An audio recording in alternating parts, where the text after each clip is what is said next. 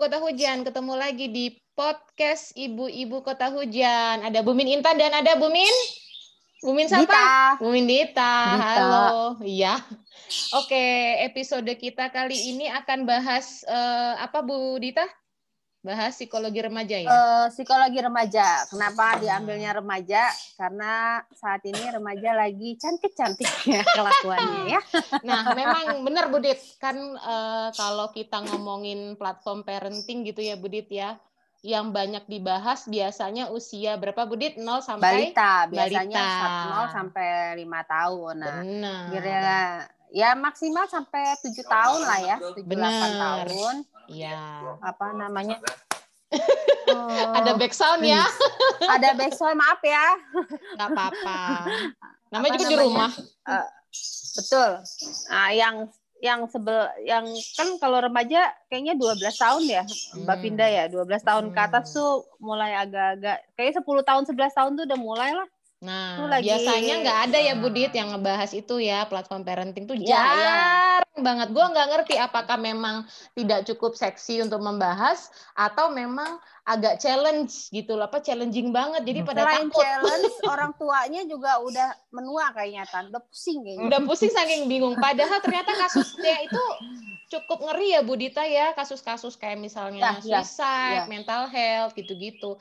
Padahal lebih susah ngadepin atau mungkin remaja. ini juga kali ya eh, ya karena susah ngadepin remaja kadang-kadang gue nggak tahu sih ya Hmm. ego orang tua itu kan juga kadang-kadang lebih besar ya maksudnya Benar. berharap ketika anaknya lebih sudah berusia besar berharap Hmm. mereka bisa untuk eh, berpikir seperti orang dewasa padahal sebenarnya yang enggak gitu Oke. juga Padahal gitu dia kan. belum dewasa ya kan, umur Hmm, 10, kayaknya 12. ekspektasi orang tua mungkin terlalu tinggi gitu atau Hmm. mungkin eh, ketakutan orang tua juga jadinya mungkin bisa jadi semacam kayak helikopter parenting ya gue nggak tahu juga sih nanti paling kita coba kita Bahas ya. sama Ya udah. aja kali ya Nah, sip, Ha-ha. ini kita udah ada narasumber psikolog anak yang memang eh, concern banget di eh, pengasuhan dan pendidikan untuk remaja nih. Nah, ada Mbak Vinda. Halo Mbak Vinda, say hello dulu yuk sama listenernya podcast Ibu Kota Hujan. Halo Mbak Intan, Mbak Dita, Bumin-Bumin Ibu Kota Hujan, dan halo semua Ibu-Ibu Kota Hujan, di mana hari ini hujan.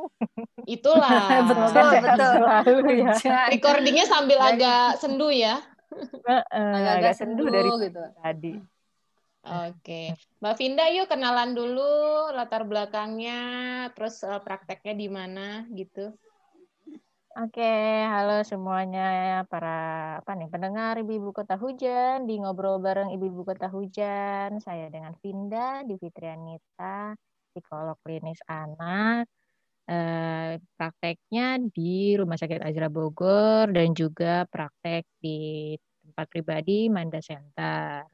Lokasinya yang pasti di Kota Hujan ya di Bogor. Ini libur, Mas. aduh aduh berisik nih maaf maaf maaf. Ada Bumin, di-mute tangga dulu, ya Bumin. Zoom. Bumin, di-mute di-mute dulu. dulu deh gue. Ah.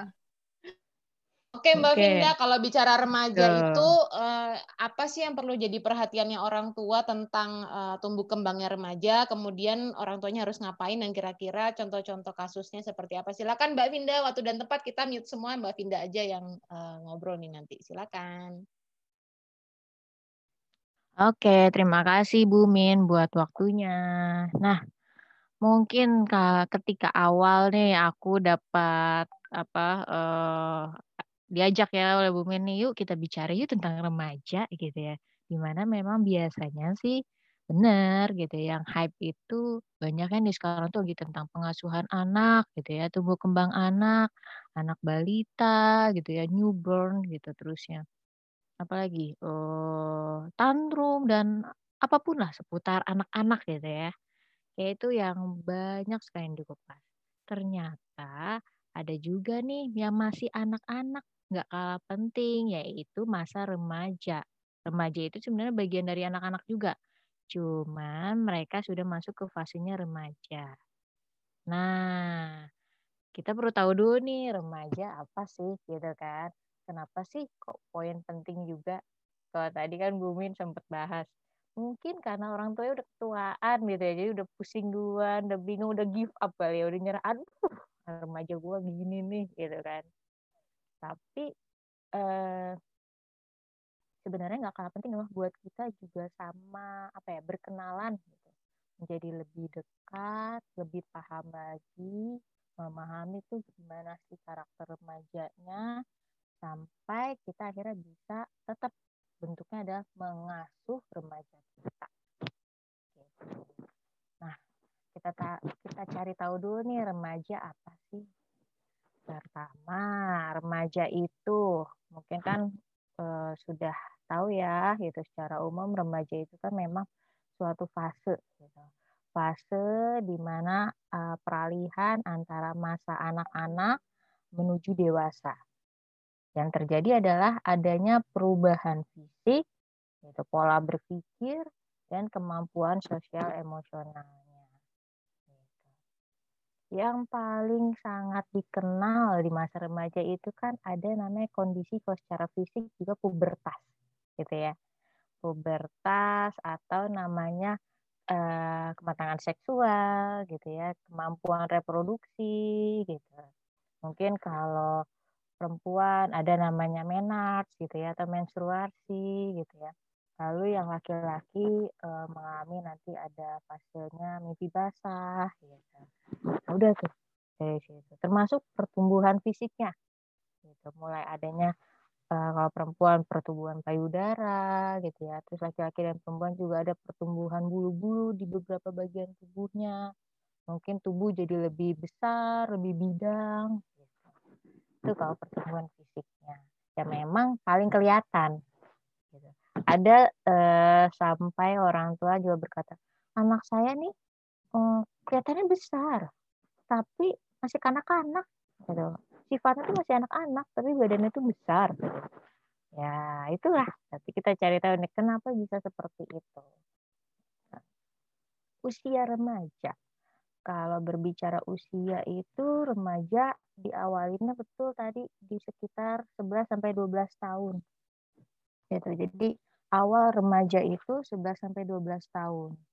Nanti berakhirnya itu sekitar di 19-20 tahun. Itu rentangnya usia remaja. Di mana remaja juga terbagi nih. Ada namanya remaja awal, usianya sekitar 11-12 sampai uh, di 13 tahun, nanti remaja pertengahan 14 sampai 16 tahun, remaja akhir itu uh, 17 sampai 19 atau 20 tahun. Nanti setelah 20 tahun masuknya ke fase dewasa awal. Nah, itu cerita yang berbeda lagi dewasa awal. Nah, apa saja sih biasanya kalau Eh, anak-anak uh, nih sedang tumbuh menjadi uh, remaja awal. Tadi umurnya 11-12 tahun. Oke, kalau tadi udah kelihatan secara fisik pertumbuhan pertumbuhannya ya, mulai dari organ reproduksi gitu ya, terusnya ada tadi perempuan menstruasi, laki-laki mulai mimpi basah, pertumbuhan eh, bulu-bulu di tubuhnya gitu. Nah, hormon juga mulai berkembang gitu produksinya hormon apa estrogen dan androgennya juga mulai berkembang gitu, sesuai fungsi-fungsinya. Nah, ada lagi eh, tentang berat badan, tinggi badan itu juga sangat berpengaruh. Gitu. Tinggi badannya semakin berkembang, berat badannya juga. Ada yang eh, seiring bertumbuhnya berat badan ya karena juga seiring bertumbuhnya nafsu makan ada gitu. seiring pertumbuhannya tinggi badan seiring banyaknya kegiatan fisik gitu olahraga gitu ya ya jadi itulah semua ada memang fase berkembang di masa remaja nah ketika kita tadi udah berbicara tentang fisik nih ada lagi nih namanya tadi kemampuan berpikir. Ini nih yang biasanya sering membuat orang tua juga bingung. Anak remaja saya ini, hmm, uh, susah banget dibilangnya. Keras. Kayak itu udah yang paling benar sendiri deh. Tapi itu udah berpendapat tuh. Adu argumen terus. Wah, itu nguji banget tuh biasanya para orang tua kan. Nah, di sini memang uh, kan ketika masa anak-anak atau di middle childhood yang usia-usia SD itu kan uh, kemampuan berpikirnya itu konkret gitu konkret terus kan memang uh, apa yang dia lihat terus ya dia lakukan di dia ibaratnya misalnya mendapatkan ilmu dari menonton YouTube gitu ya. Dia akan melakukan hal itu mengikuti gitu meniru mungkin uh, melakukan uji coba gitu dia lakukan. Nah mulai usianya remaja tahapannya ke formal operasional nih mulai berkembang. Apa itu formal operasional anak ya anak remaja kita sudah mampu berpikir abstrak dan mulai ada hipotesis jadi udah mulai nih bisa berpikir, uh, oh kalau saya begini, nanti itu begini. Nanti begini-begini. Oh, nanti kayaknya kemungkinan yang ini deh. Contoh misalnya, kalau anak eh, SD udah tahu nih mobil mogok berarti bensinnya habis gitu ya. Remaja udah mulai berkembang lagi. Oh, mungkin bukan cuma habis bensinnya. Gitu. Mungkin ada uh, patina yang rusak gitu atau mungkin ada bahan apa hmm, salah satu bagiannya yang memang uh, bermasalah gitu. jadi udah bernalar nih atau mungkin karena jarang servis ya gitu. udah hipotesis itu udah mulai banyak gitu. sampai akhirnya oke okay, nanti ketahuan nih uh, jawabannya apa gitu kan permasalahannya di mana. Termasuk biasanya kepada orang tua misalnya wah kalau saya uh, pergi nonton konser misalnya mau minta izin ah nggak bakal dibolehin. Diem diem tuh uangnya kurang hmm, bilang ah e, mau ada apa hmm, ini ada bayaran ada untuk di sekolah ada bayaran e, perlu tambahan les gitu. Akhirnya dapat uang tapi nanti bilangnya mau ke rumah teman ngerjain PR kayak gitu. Jadi nalar itu tuh banyak tuh bermain gitu. Akhirnya eh, nggak eh, ketahuan pergi tapi dapat uangnya juga gitu. Nah itu yang pola pikir remaja tuh mulai dia berusaha untuk mengasah pemikirannya eh, lebih abstrak dan menemukan eh, berbagai macam hipotesis lah gitu. Nah, yang beda apa nih ketika memang uh, di di apa kemampuan berpikir remaja? Tentunya adalah perkembangan otaknya, gitu ya. Otak anak-anak sampai otak dewasa ke otak remaja itu berbeda. Terutama sih remaja gitu remaja kan selain dikenal masa pubertas juga dikenal masa kritis ya, gitu. masa kritis dalam perkembangan. Kenapa dibilang masa kritis? Karena hmm, semua lagi benar-benar fasenya berkembang. Ya, tadi udah fisiknya mulai berkembang meskipun belum matang sempurna. Gitu. Ada lagi ini otaknya juga. Gitu. Lagi masa fase berkembang. Gitu biasanya eh, kalau sempat nih berbicara di usia tiga tahun gitu ya dua tahun tiga tahun itu otak mengalami yang namanya perkembangan syaraf yang sangat besar gitu. Koneksi-koneksi syarafnya cukup banyak gitu. Sehingga itu kenapa dibilang usia dua tahun tiga tahun anak belajar cepat.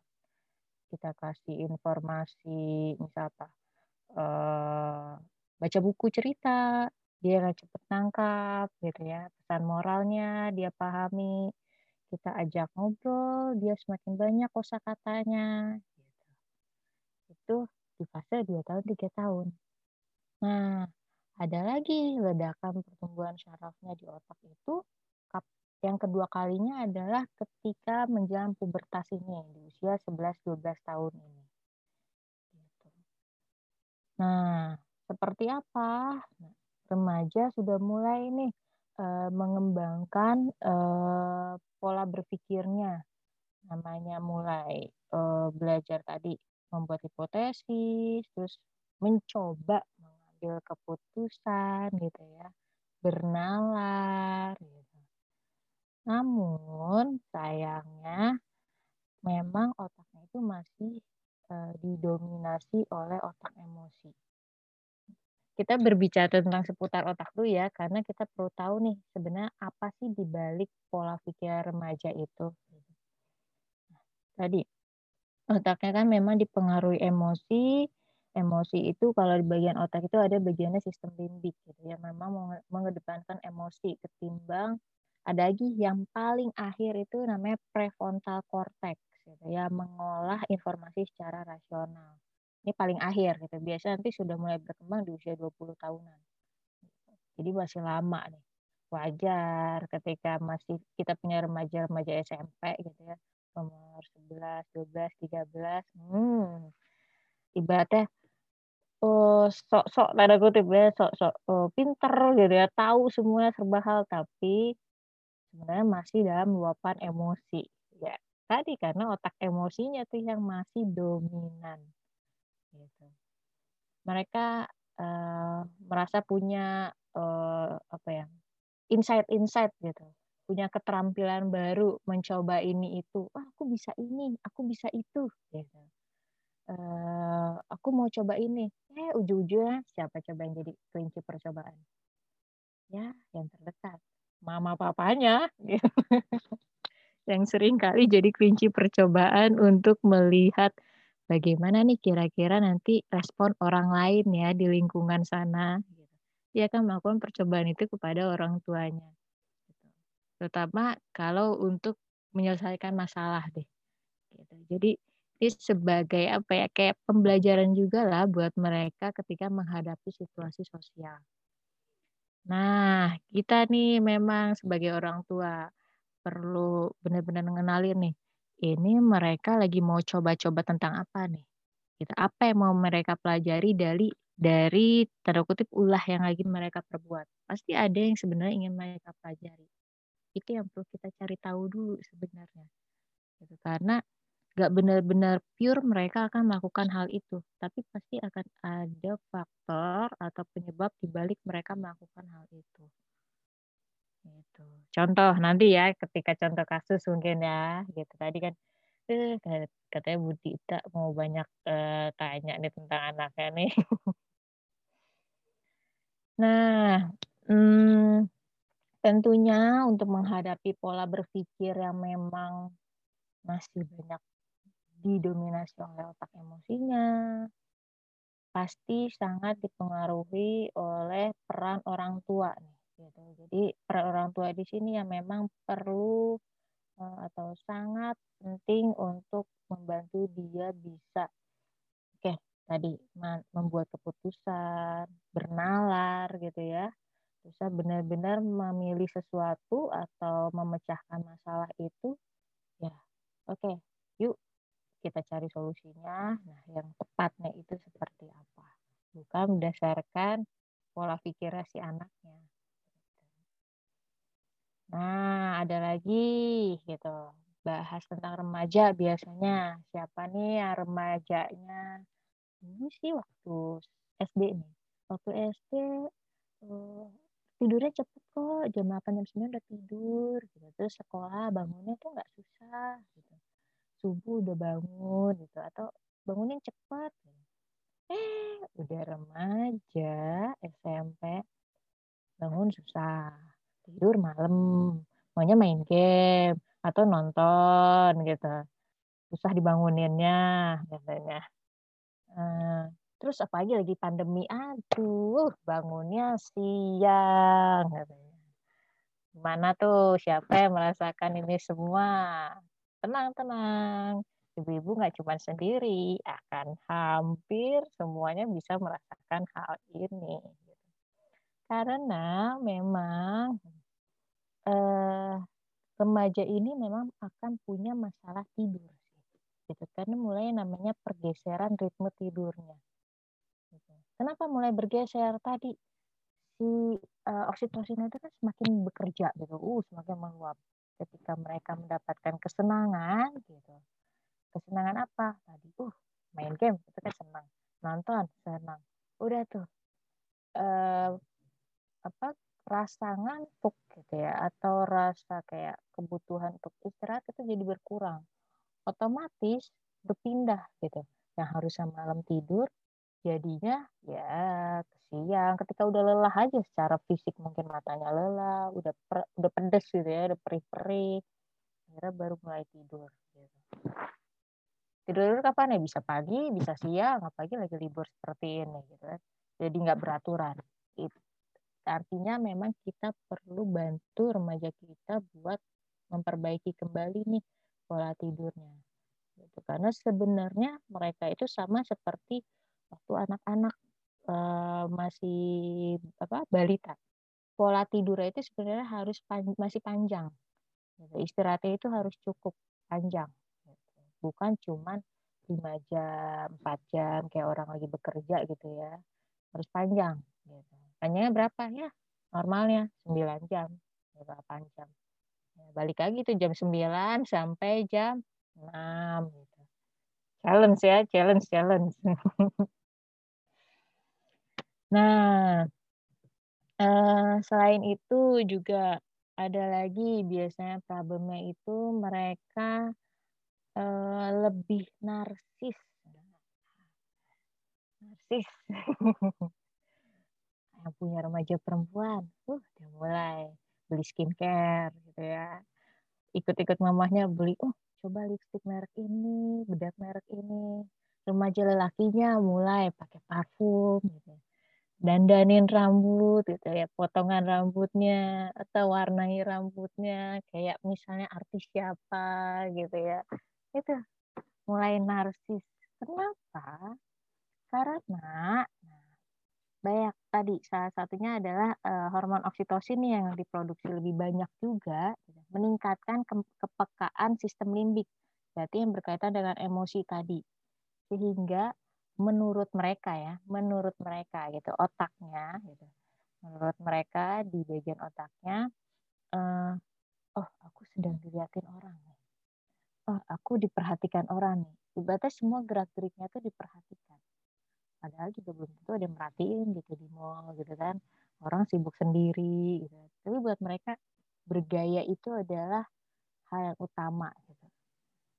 Fashion is everything lah gitu mau ibaratnya cuma mau ke warung juga kayaknya harus uh dandan dulu gitu itu karena eh, tadi sisi otak emosi itu yang dominan gitu, dalam eh, mempengaruhi kemampuan berpikirnya dan akhirnya berperilaku. Gitu. Nah ada lagi nih. Eh, biasanya juga remaja kan mulai istilah tadi kan karena mereka senang coba-coba gitu ya. Mereka tuh e, rentan sama namanya masalah-masalah seperti pergaulan narkoba rokok gitu. Ini semua sebenarnya bentuk-bentuk paparan e, neurotoksin atau e, racun racun untuk yang mempengaruhi sistem syaraf gitu. Eh, balik lagi karena tadi mereka bekerja dominasinya adalah otak emosinya gitu. Terus tadi buat mereka eh, pergaulan pertemanan terus dinilai orang itu yang utama. Gitu yang kayak tuh paling penting lah. Style gitu ya. Eh, apalagi dari pengaruh teman-teman penilaian gitu.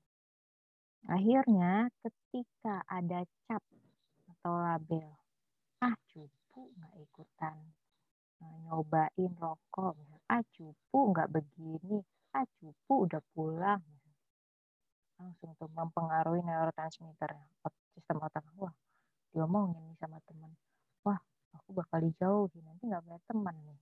Wah nanti nggak populer kayak situ wah nggak masuk geng ini nih gitu.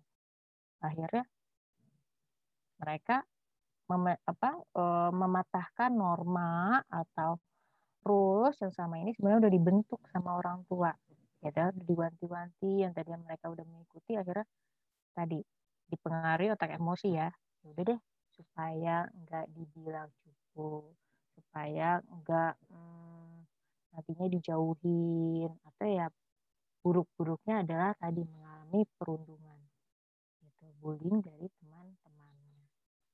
Gitu. Ini nggak sedikit sih yang akhirnya memang mempengaruhi kondisi psikologis si remaja. Mulai merasa rendah diri, nggak percaya diri, sampai akhirnya stres. Gitu. Sampai akhirnya mulai ada apa ya, mogok sekolah, bahkan tingkatannya depresi. Gitu ya. Kalau oh, kaitannya dengan depresi mungkin uh, sempat ada ya akhir-akhir ini berita tentang kasus yang bunuh diri pada remaja ya karena mengalami depresi prihatin sekali sih gitu. Uh, ya itulah ya, memang bisa terjadi ketika remaja sudah uh, rasa harga dirinya tidak terbentuk lagi, merasa tidak berguna, merasa uh, tidak berdaya gitu sehingga mereka pun hmm, apa ya malah lebih berani untuk mengakhiri uh, hidupnya gitu. Sayang sekali gitu. Sampai hal ini bisa terjadi. Itu kenapa penting sekali. Yuk kita coba cari tahu nih karakter remaja kita ini seperti apa. Dari mulai tadi oke okay, fisiknya paling terlihat sih. Lalu pola pikirnya seperti apa? Ketika mulai orang tua melihat ada perubahan baik dari tingkah laku gitu ya. Yang mungkin tadinya remajanya ketika SD ceria, gitu, ceria lalu oh, senang bermain dengan teman-teman, tiba-tiba lebih milih sendiri atau oh, nggak mau uh, ada apa hmm, disamperin teman atau bergaul dengan teman atau hangout ke mana akhirnya atau makan pun sampai berkurang gitu. Nah kalau sudah seperti itu coba orang tua cek dan dicek perubahan ini kira-kira dari mana? Apakah misalnya dari lingkungan Eh, di rumah ada sesuatu hal yang terjadi atau uh, di lingkungan sekolahnya yang justru ada sesuatu hal terjadi gitu. Jadi memang kita harus peka dengan apa pun yang terjadi di lingkungan pergaulan anak kita. Gitu, lingkungan rumah, lingkungan sekolah. Mungkin kalau yang uh, ada wah, bermain dengan tetangga, lingkungan bertetangganya seperti apa. Gitu. Jadi kita perlu cari tahu tuh supaya Eh, ketika mengalami perubahan-perubahan itu, apakah nantinya butuh konsultasi dengan profesional, jadi bisa psikolog, bisa psikiater, ataukah memang kayak mungkin berdiskusi, gitu. berdiskusi dengan remaja kita eh, mengenai apa yang menjadi permasalahannya, perasaannya, dan cari tahu bersama solusinya apa. Oke, mungkin sampai di sini dulu ya pemaparannya. Sebelum nanti kita lanjut ke tanya jawab dan nanti mungkin praktisnya dari eh, apa saja sih yang bisa dilakukan gitu ketika kita mendekat supaya bisa mendekati remaja kita. Gitu. Oke, Bu Min. Oke, Mbak Vinda, terima kasih banget tadi penjelasan tentang apa eh, karakteristiknya remaja ya. Ternyata perubahannya banyak. Ternyata nggak cuma secara psikologis uh, mereka berubah dan bertumbuh, tapi juga secara fisik yang di mana juga ada hormon-hormon yang bekerja di situ ya. Dan perkembangan otaknya juga uh, berubah gitu. Kalau tadi Mbak Vinda sempat bilang di lima tahun di 0 sampai golden age-nya anak itu pertumbuhan cepat. Nah, di remaja awal ini justru juga terjadi apa kayak luapan-luapan atau leverage uh, pertumbuhan yang berubah gitu dan karakteristiknya udah disebutin sama Mbak Vinda yang seperti tadi. Nah, sekarang nih uh, apa ya section kedua kita akan ngobrolin uh, problematika realnya kasus per kasus tentang remaja dan bagaimana seharusnya orang tua menghadapinya gitu. Dan karena aku anaknya masih balita, eh enggak deh masih enam tahun dan yang lebih relevan adalah Budita nih karena punya anak remaja awal. Silakan Budita, kamu mau ada pertanyaan apa? Monggo lo, nggak apa-apa. Oh masih masih ada back sound ya, masih ada back sound ya. Udah, gini deh Mbak Vinda, mungkin Mbak Vinda bisa jelasin dulu uh, kunci ya mungkin dua atau tiga atau lima kunci uh, orang tua tuh harusnya seperti apa menghadapi remaja gitu dan karena kan tadi kan ada rasa ngeyelnya, ada ada sikap ngeyelnya, ada sikap mungkin lebih mendahulukan teman daripada orang tua. Nah, seharusnya orang tua nih seperti apa sih pengasuhannya? Sebelum nanti Budita akan cerita ya, itu deh. Oke. Pengasuhannya ya, seperti apa ya? Oh, Oke, terima kasih Bu Min Intan. Nah, tadi ya remaja. Gitu. Kalau tadi sudah dipaparkan mengenai karakteristik, nah kira-kira jadi gimana nih pengasuhan yang bisa dilakukan kepada remaja gitu kan? Pertama, memang eh, mungkin eh, mama, papa atau semua di sini juga sempat lihat, pernah baca-baca eh, disampaikan bahwa kalau dengan remaja kita itu seperti teman katanya. Itu kita seperti teman. Maksudnya apa? Tapi ya, seperti teman di sini adalah kita uh, memang bisa memahami dulu nih kayak teman aja jadi kita bukan memberikan arahan benar-benar satu arah gitu atau monolog gitu. Jadi ibaratnya kita hanya kasih perintah tuh. Kamu gini gini gini ya. Uh, abis ke sini ke sini ke sini ya. Pulang sekolah nanti kamu les ya. Tapi kita nggak pernah tanya tuh apa yang dia rasakannya, apa yang dipikirkannya, gitu. Apa yang dia mau mungkin gitu atau ada kebutuhan apa atau apa pendapatnya kalau teman kan biasanya nanya, eh kamu lebih suka apa? Eh kamu uh, mau ke mana sekarang? Atau kamu nanti besok uh, habis dari sekolah mau ngapain? Gitu. Sampai rumah kamu uh, mau main dulu apa mau belajar dulu gitu. Kan ada PR tuh dari bu ini gitu. Dari PR matematika tuh gitu.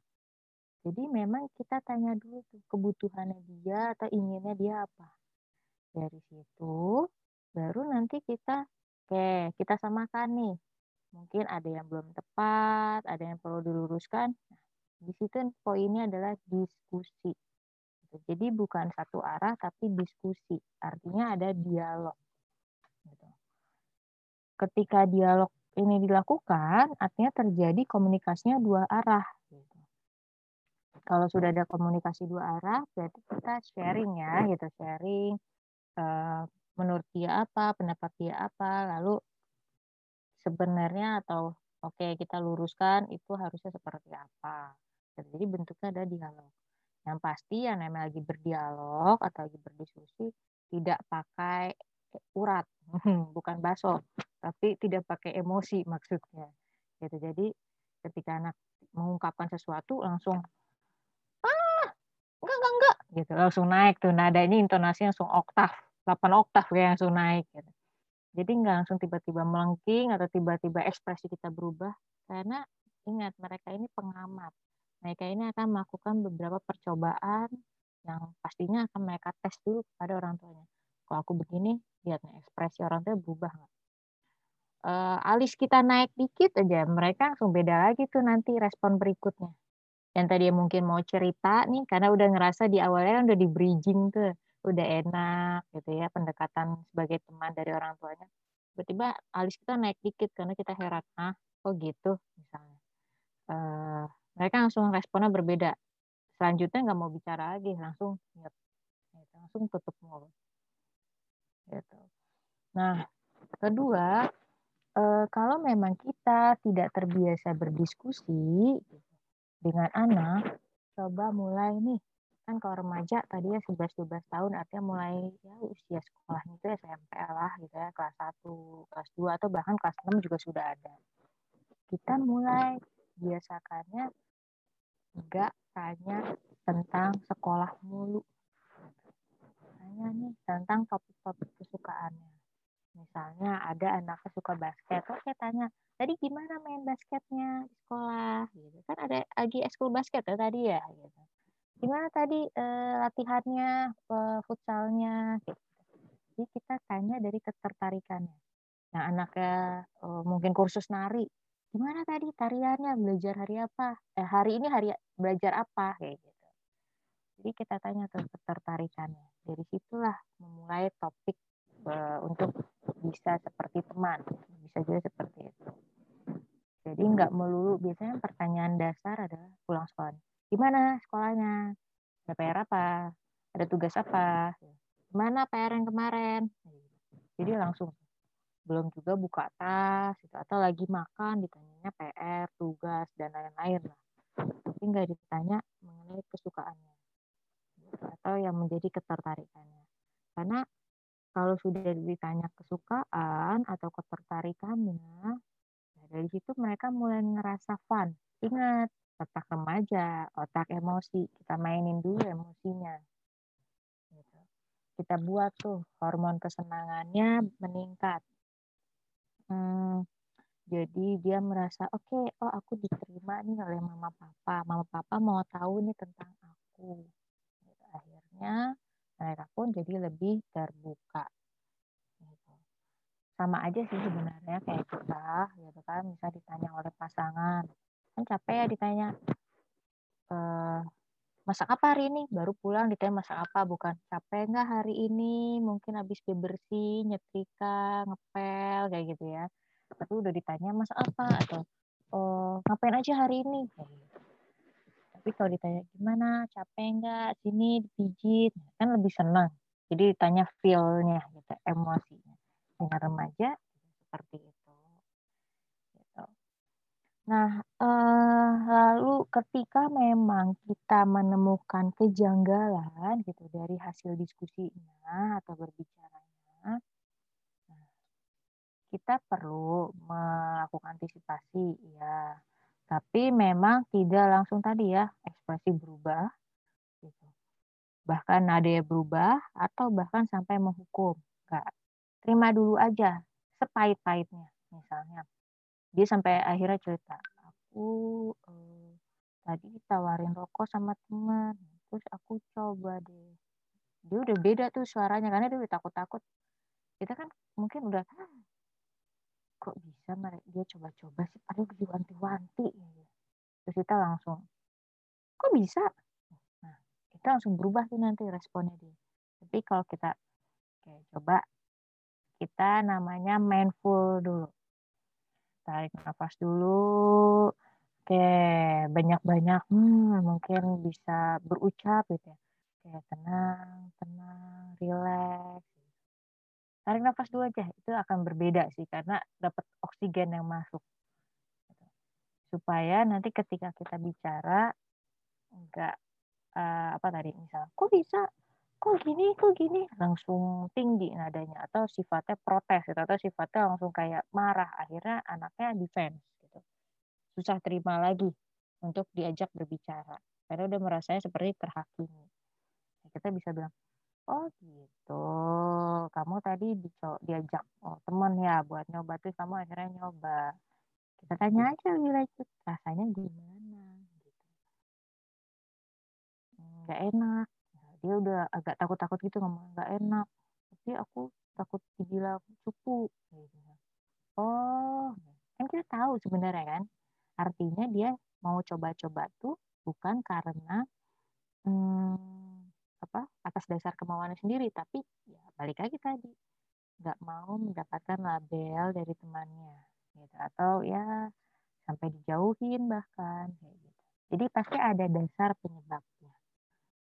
Jadi tadi pertama, yuk kita jadi teman dulu dengan anak remaja kita. Artinya mulai nih berkomunikasinya dari hal yang topik dia sukai, dari kesenangannya, mungkin dari aktivitas eskulnya dulu kalau sehari-hari habis pulang sekolah atau habis kegiatan. Atau mungkin kalau sekarang di rumah aja tanya gimana kamu seharian ini?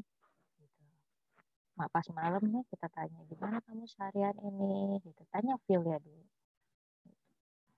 Lalu uh, setelah itu baru tadi kalau sudah menemukan kira-kira ada kejanggalan kita bisa antisipasi tapi ya tarik nafas dulu atau peregangan otot dulu juga bisa gitu. Supaya uh yang tadi mungkin kita agak kesel gitu. Kayak kita hmm, reda dulu supaya reda. Nah, kemudian kalau sekiranya memang kita menemukannya uh, udah agak-agak wah kayaknya udah mengarah-ngarahnya dia jujur sih cerita gitu. Tapi kok udah mengarah-arahnya misalnya ke pergaulan bebas gitu. Atau kayaknya kok anaknya uh, butuh bantuan nih dalam memutuskan sesuatu atau permasalahan oke tidak perlu segan-segan supaya konsultasi dengan uh, tadi profesional bisa psikolog gitu, atau psikiater supaya tahu nih sampai di mana sih kondisi remaja kita saat ini. Gitu.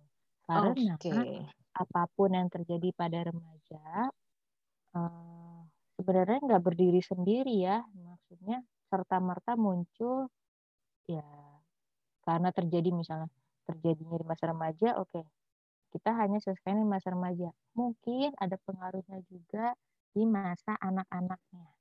Artinya pengasuhan di masa anak-anak mungkin ada yang memang perlu kita isi-isi lagi. Apa? Kalau saya biasa sebutnya tangki cinta. Yang sama ini mungkin belum full, belum terisi, belum tercukupi oleh anak. Nah, itu perlu dicukupi dulu. Gitu.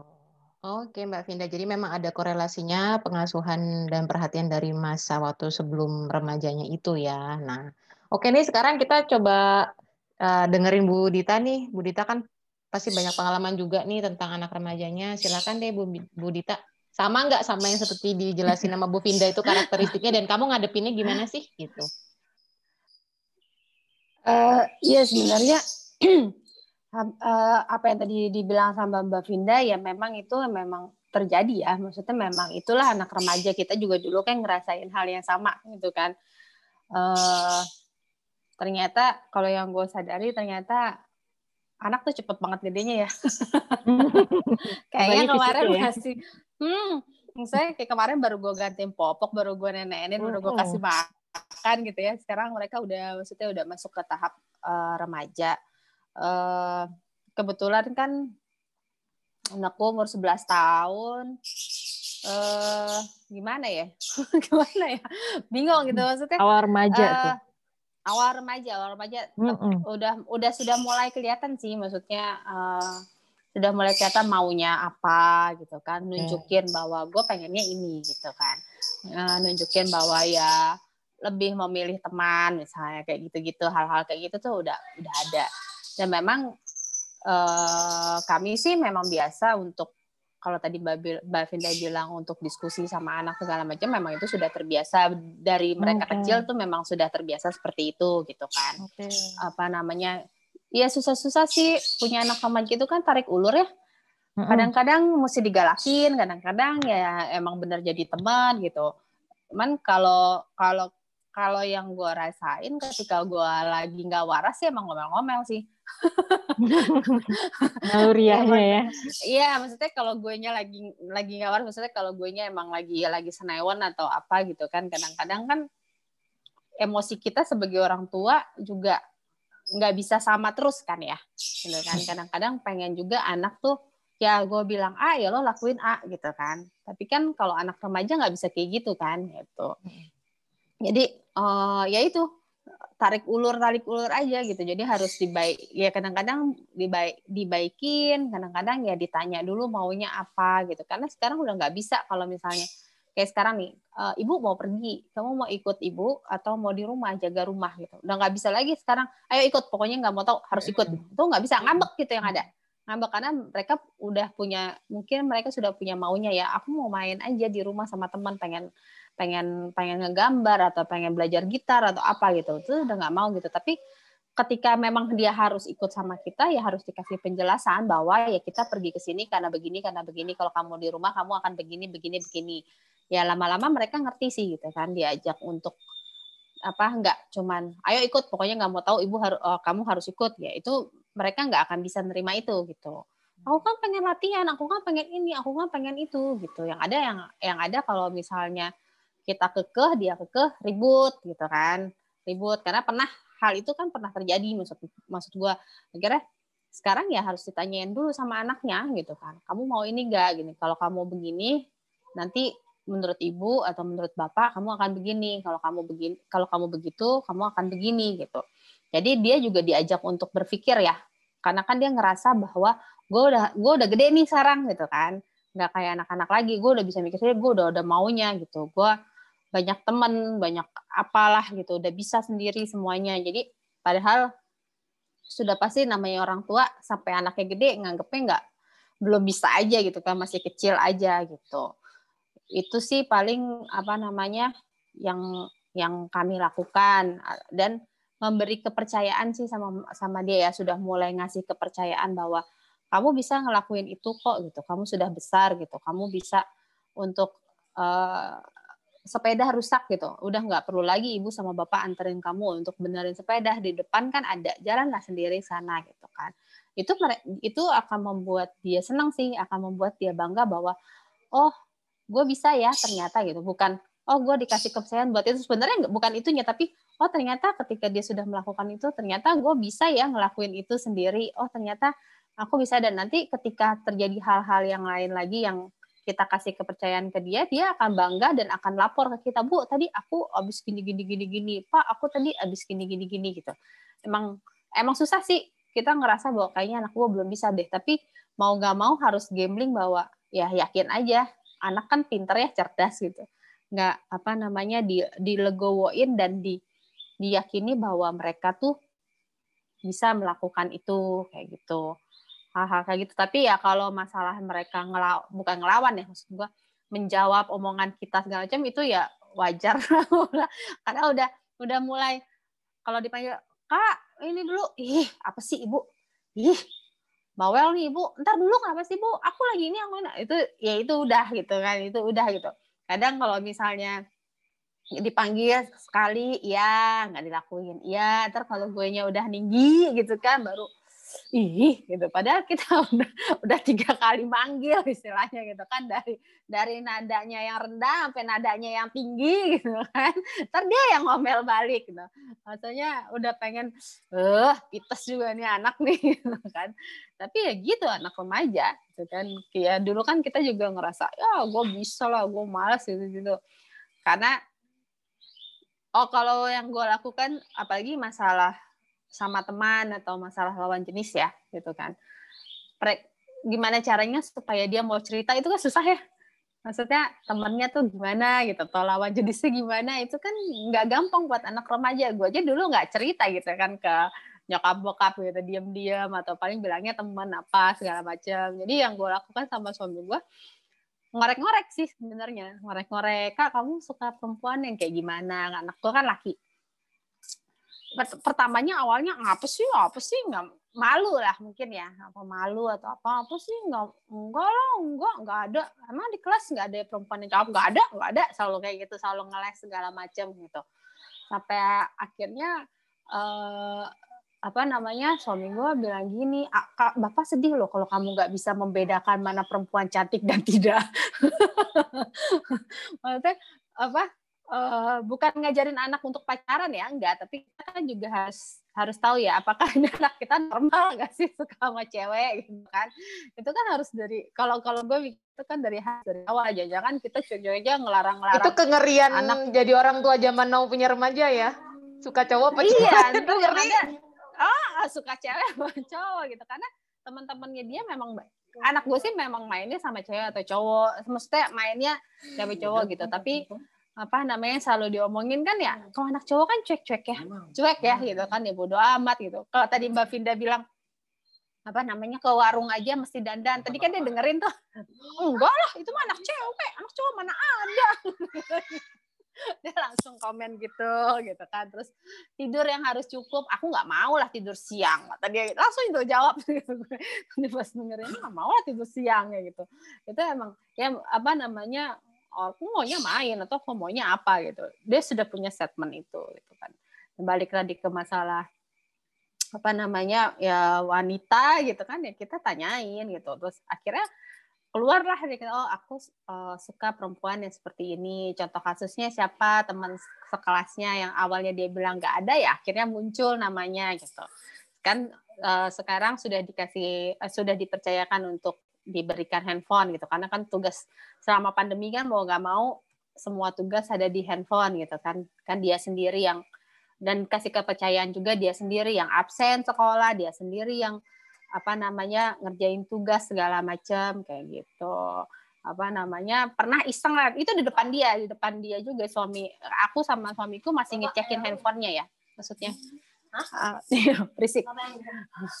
Apa namanya masih ngecekin handphonenya dia chattingan sama siapa gitu kan buka apa segala macam itu masih dicek gitu kan. Satu ketika uh, handphonenya dipegang yang yang handphonenya dipegang kemudian sama bapaknya terus uh, mana si A? misalnya gitu kan. WA dong WA dong kak si A kak. Tanya apa namanya uh, dia lebih suka apa namanya uh, kamu apa? Gitu. Uh, enggak oh, malu lo ngapain? Gini gini gini gini gitu lah awalnya. Akhirnya sama bapaknya diketikin ada dianya. Kamu suka aku rambut panjang apa rambut pendek? Gitu. Tapi anaknya tahu tapi diem aja gitu kan. Aku dijawab sama perempuan itu maksudnya sama temennya itu gitu kan. Panjang. Oh oke okay.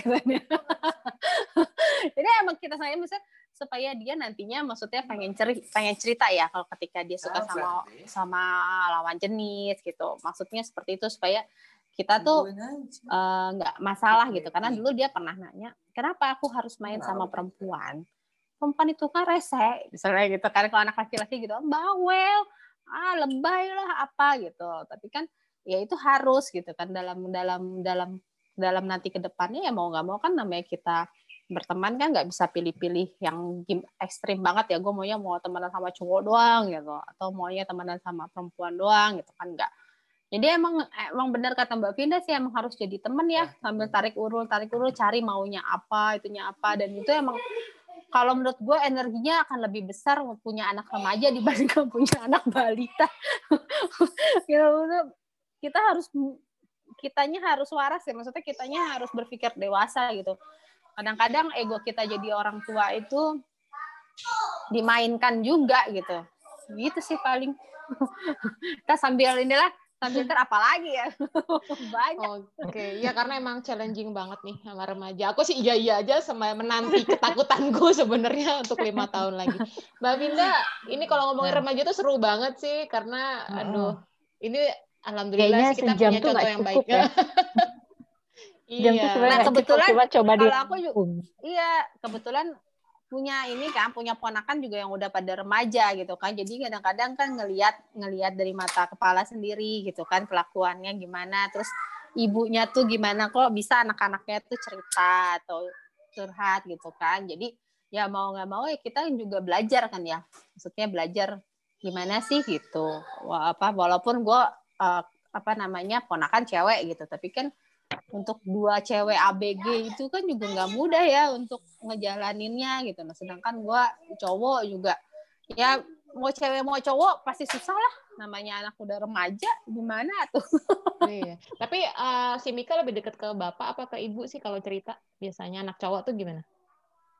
Atau dua-duanya? Uh, dia lebih banyak keluar mungkin ke bapaknya karena mungkin ke ibunya bawel kali ya. Terus ibunya lebih banyak ngomel mungkin ya. Jadi dia mungkin takut duluan kali ke gue. Tapi kadang-kadang cerita juga. Cuman emang uh, apa namanya untuk urusan lawan jenis suka gue serahkan ke bapaknya sih kalau masalah kayak gitu kayak gitu. Tapi kalau misalnya kayak pelajaran atau temennya dia imbang aja sih mau nanya ke siapa aja yang kira-kira menurut dia ada di dekat dia untuk ditanyakan dia tanyakan gitu. Karena anak gue kan diem ya dibandingkan yang kedua gitu. Mika itu kan agak lebih diem jadi emang kadang-kadang harus dipancing harus ditanya. Tapi dia sangat senang kalau diajak diskusi nih kadang-kadang kita kan malam hmm. sebelum tidur suka ngobrol bareng. Nah itu dia senang tuh atau pas camping. Nah itu keluar tuh baru dia tuh yang sebelum sebelumnya dari situ sih suka kita kasih apa sih sentilan-sentilan maksudnya uh, nasihat-nasihat ya. Harusnya tuh kamu tuh begini kamu kan lah begini kamu begini begini ya. Ya satu dua persen mah adalah masuk ya.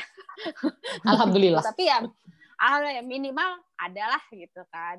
Karena kadang kadang-kadang ya depan kita iya iya iya. Di belakang ya dilakuin lagi hal yang yang menurut dia paling oke okay, gitu. Ya gini nih lihat tuh Tuh anak ABG-nya. Oke, Mbak Vinda ada sebelum kita closing karena udah satu jaman uh, lebih kayaknya ada statement closing gitu sebelum kita akhiri. Atau Mika, Mika, atau Mika, Mika mau cerita? Kalau, Mika kalau nah, sebagai remaja, remaja nih. kayak gimana sih, Mika? pengennya ibu tuh harus gimana sih? Coba Mika. Nggak tahu, apa nggak tahu. Ini contoh kasus remaja yang baik. Mika maunya gimana? Nggak mau dimarahin apa gimana gitu. Coba bilang yang kencang, yang kencang. Malu. Wah, ya yang ini, yang dua ini. yang dua yang ngomong.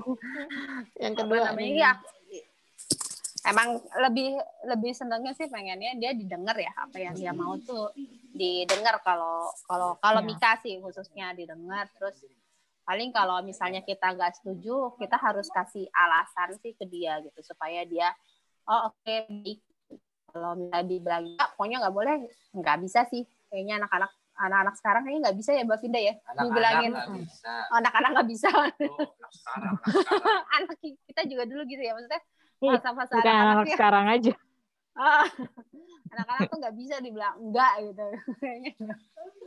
nah, ya karena kan eh, tadi apa eh, remaja itu kan sebenarnya udah ya pra, pra dewasa gitu sebelum dewasa gitu. Jadi udah menjelang dewasa proses otaknya tadi sudah lebih matang tapi belum benar-benar matang gitu eh, nah artinya memang eh, yang Bu Mindita lakukan tuh diskusi dengan suami antara suami istri gitu papa mamanya dengan anak-anaknya melakukan diskusi rutin biasanya kalau malam gitu ya itu udah tepat sekali gitu. Nah ketika memang mungkin tempernya kita lagi nggak mood atau lagi nggak enak, nah tadi coba relax dulu, lebih baik atau coba mundur dulu salah satu. Misal mungkin ditanganinnya tadi sama papahnya dulu gitu. Atau misal papahnya lagi capek pulang kerja sama mamahnya dulu gitu. Jadi supaya akhirnya anak pun menerima kalau dirinya tadi didengarkan. Oh mama papa bisa sharing. Nggak melulu seperti terasa dihakimi atau benar-benar terasa seperti disuruh-suruh gitu. jadi eh, apa ya perbanyak diskusi dari hati ke hati menjadi ya ada beberapa sih langkah yang bisa kita lakukan juga gitu. Pertama mulai tadi ya menjadi teman, tertarik dengan apa yang dia suka, lalu mencoba untuk jadi pendengar yang baik. Ya namanya pendengar itu kan berarti kita mendengarkan gitu ya. Maupun kita ada yang nggak suka nih dari jawabannya mungkin atau responnya, kayak dengerin dulu deh Baru kalau dia udah, udah selesai, tanggapin. Nah, tanggapin. Bukan biasanya yang sering kali adalah komentarin gitu kan. Oh, gini kok gini. Eh, panjang deh jadinya. Closing aja langsung. Mama banget itu begitu. tanggapin. Eh, udah ngoceh. Udah nanggapin, kita kasih feel nyamannya dulu. Gitu. Dan dari feel nyaman ini, akhirnya mereka pun ngerasa dihargai, besok-besok mereka akan nggak segan-segan lagi buat bercerita sama mama papanya. Oke. Oke. Pas nih time-nya. Udah mau habis. Mbak Minda, terima kasih banyak buat penjelasannya tentang remaja. Bu Mindita juga makasih banyak buat sharing-sharingnya. Semoga episode kita kali ini bisa bermanfaat ya buat para orang tua yang punya anak remaja. Ya, mungkin nanti kita juga bahas-bahas tentang remaja hal yang lain kali ya tadi hmm, lebih spesifik banyak ya. banget sih sebenarnya banyak banget uh, next aja kita coba mengerikan jadi satu. Karena biasanya Apalagi kan kasus yang terbaru. banyak ya. banyak banyak kasus maksudnya anak mm. remaja itu jadi malah nggak deket sama orang tua ya, gitu kan, kan? Oke. Okay. uh, maksudnya sangat sedih sedih. Kita concern banget kok untuk untuk uh, anak remaja kita akan bikin lagi episodenya mendatang. Terima kasih yang udah dengerin semuanya. Terima kasih. Bu Mindita, Bu Vinda, bye bye sampai ketemu lagi di Ibu Kota Hujan. Assalamualaikum.